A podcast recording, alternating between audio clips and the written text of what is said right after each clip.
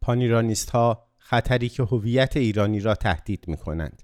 گفتگوی شفق نازندگی با ناصر فکوهی. پرسش برخی معتقدند پدیده باستانگرایی در سالهای گذشته رشد قابل توجهی داشته است. چنین ادعایی تا چه میزان صحت دارد؟ پاسخ متاسفانه به دلیل آنکه برخی از موضوعها هنوز تا حدی شامل خطوط قرمز می شوند و فضا در حوزه های رسانه‌ای به اندازه کافی و در ابعاد لازم باز نشده است ما نمی توانیم در این باره با قاطعیت سخن بگوییم و اغلب می بینیم که هر دو سوی این ماجرا دست به اقراق می‌زنند.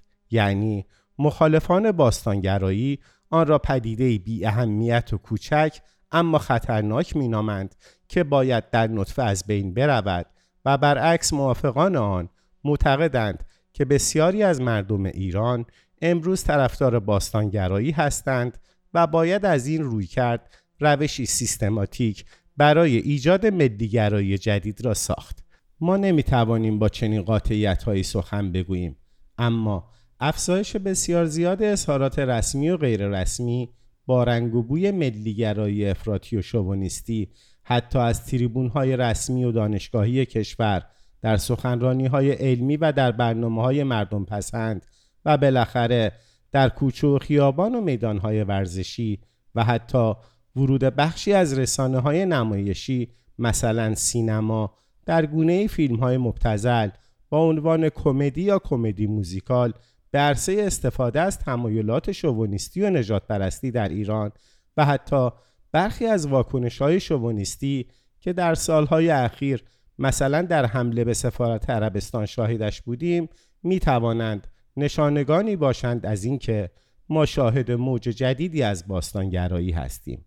من از لحاظ تاریخی و در صد سال اخیر این موج را سومین موج پانیرانیستی معاصر می‌دانم. موجهای پیشین هر دو در رژیم گذشته ایجاد شده بودند. اولین آنها به ابتدای حکومت رضاشاه برمیگردد.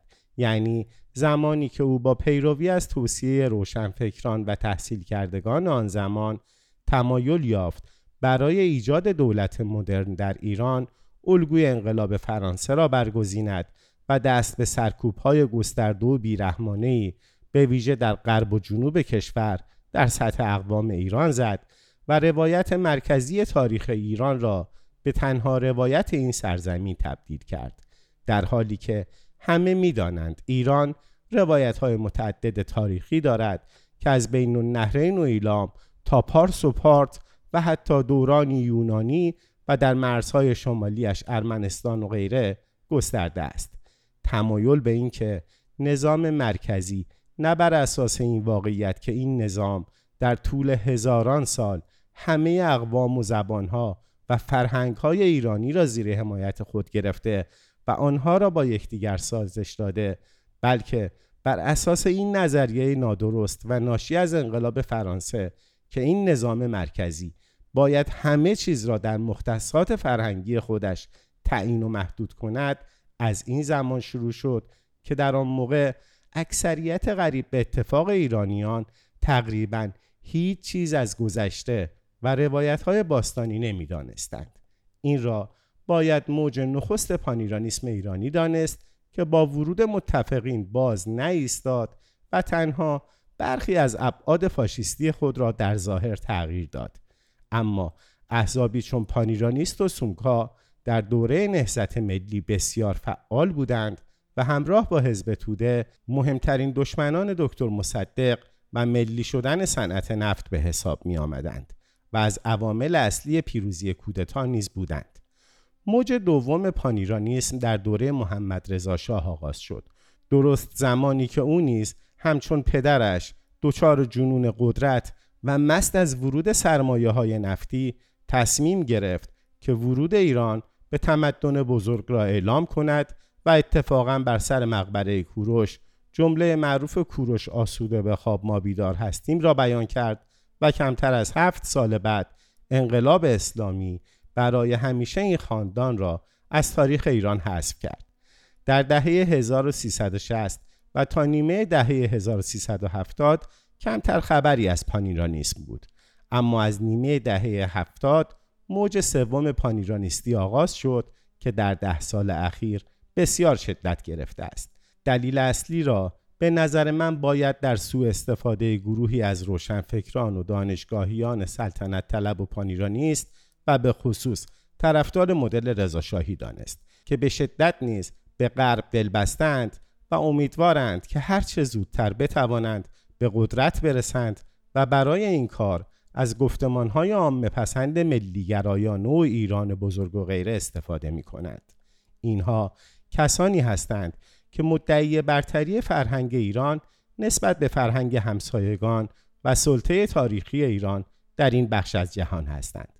من تقریبا مطمئن هستم که گرایش اینها به ایران باستان و سخن گفتنشان از وطن دوستی پیش از هر چیز فرصت طلبانه است و نگاهشان بیش و پیش از هر چیز متوجه آمریکا و به دست آوردن پست های احتمالی در آینده مفروض است که نزدیکش می‌دانند و البته اگر خدای نکرده روزی به قدرت برسند بدون شک صدها هزار نفر را در تصفیه های قومی به کشتن خواهند داد تا آریایی های واقعی را سر کار بیاورند همان ماجراهایی که در بلوک شرق و در جنوب قفقاز در دهه 1990 پس از فروپاشی شوروی شاهدش بودیم و کشور ما در دوره سخت و اندوهبار از تاریخ خود در زمان رضاشاه از سر گذرانده است.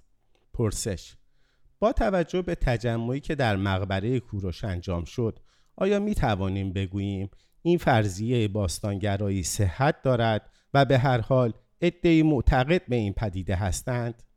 پاسخ اینکه گروهی طرفدار کوروش و ایران باستان باشند به نظر من به خودی خود هیچ ایرادی ندارد و شاید هم خوب باشد البته از نظر اقلانیت مدرن این بسیار مسحک است همانقدر مسحک که امروز کسی در یونان بگوید طرفدار اسکندر مقدونی است یا کسی در فرانسه بگوید طرفدار ناپلئون بناپارت است.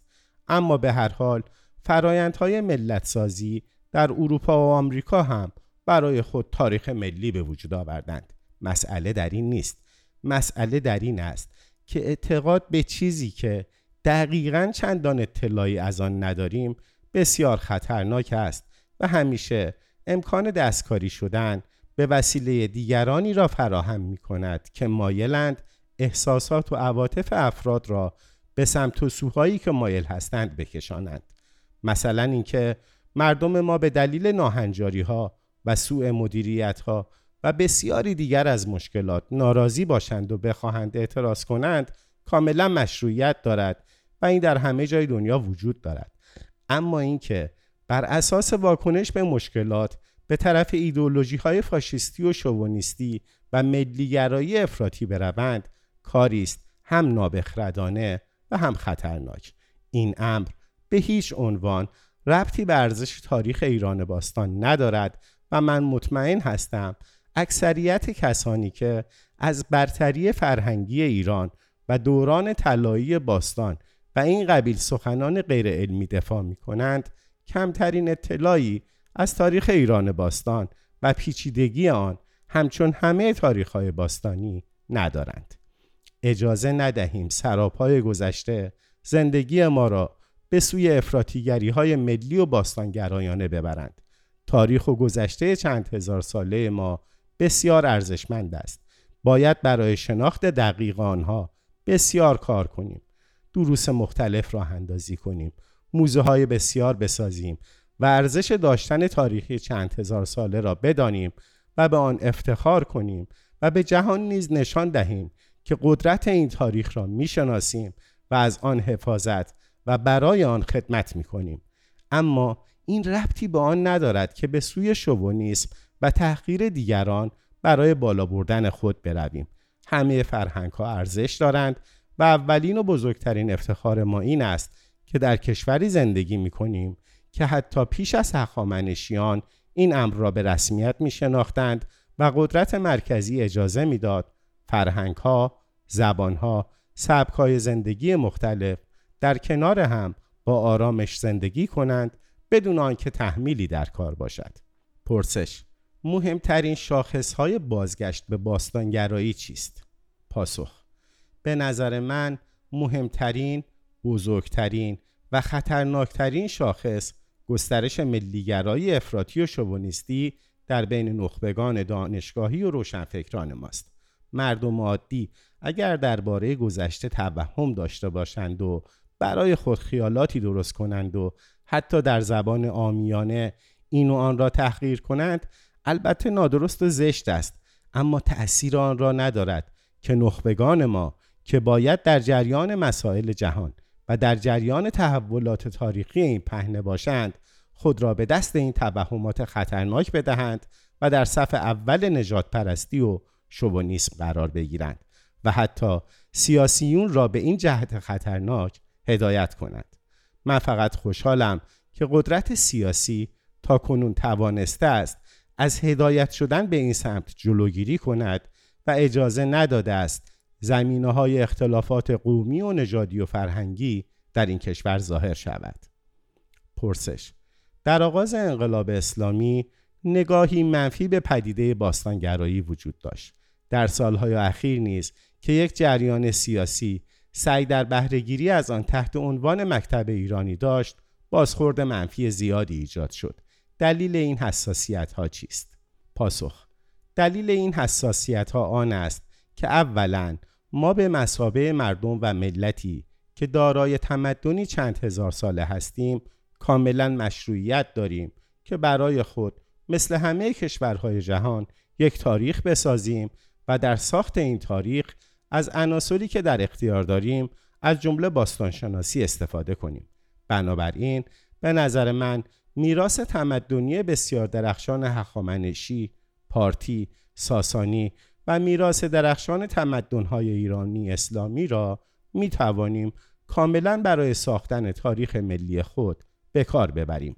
اما اینکه ما همچون همه کشورهای جهان برای خود یک تاریخ و هویت ملی بسازیم به هیچ عنوان به ما حق نمی دهد که این تاریخ را علیه و یا با تحقیر دیگران بسازیم. مثالی بزنم. اگر مسئله به قدمت باشد تمدنهای بین النهرینی یعنی آشوریان، ایلام، عربها، یهودیان و آرامیان و غیره بسیار از ایرانیان مرکزی هم قدرتمندتر بوده و هم زودتر تمدنهای خود را برپا کردند.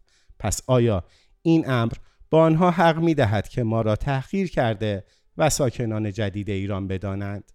به همین ترتیب نیز هویت و تاریخی کشور را نباید با نفرت و با تحقیر و خارشمردن دیگران ساخت بلکه باید بر نکات مثبت تأکید کرد. ایران پیش از اسلام تمدنی درخشان اما همچون تمام تمدنهای باستانی در بسیاری موارد خشونتبار و هولناک بود همان گونه که ایران و برخی تمدنهای اسلامی چنین بودند. افزون بر این اقوام ایرانی همواره جزو افتخارات این سرزمین بودند. هم با زبانهایشان هم با فرهنگهایشان و هم با سنتها و تاریخشان. این را من هم درباره ترکای ایران می‌گویم هم درباره عربها، کردها، بلوچها، گیلکها و سایر اقوام ایرانی. چه دلیلی دارد که ما امروز با رویکردهای شوونیستی به مقابله با غنای فرهنگی خود برویم جز آنکه تعمدی داشته باشیم که اقوام و فرهنگهای متفاوت و رنگارنگی را که هزاران سال است با هم زندگی می کنند به جان هم بیاندازیم.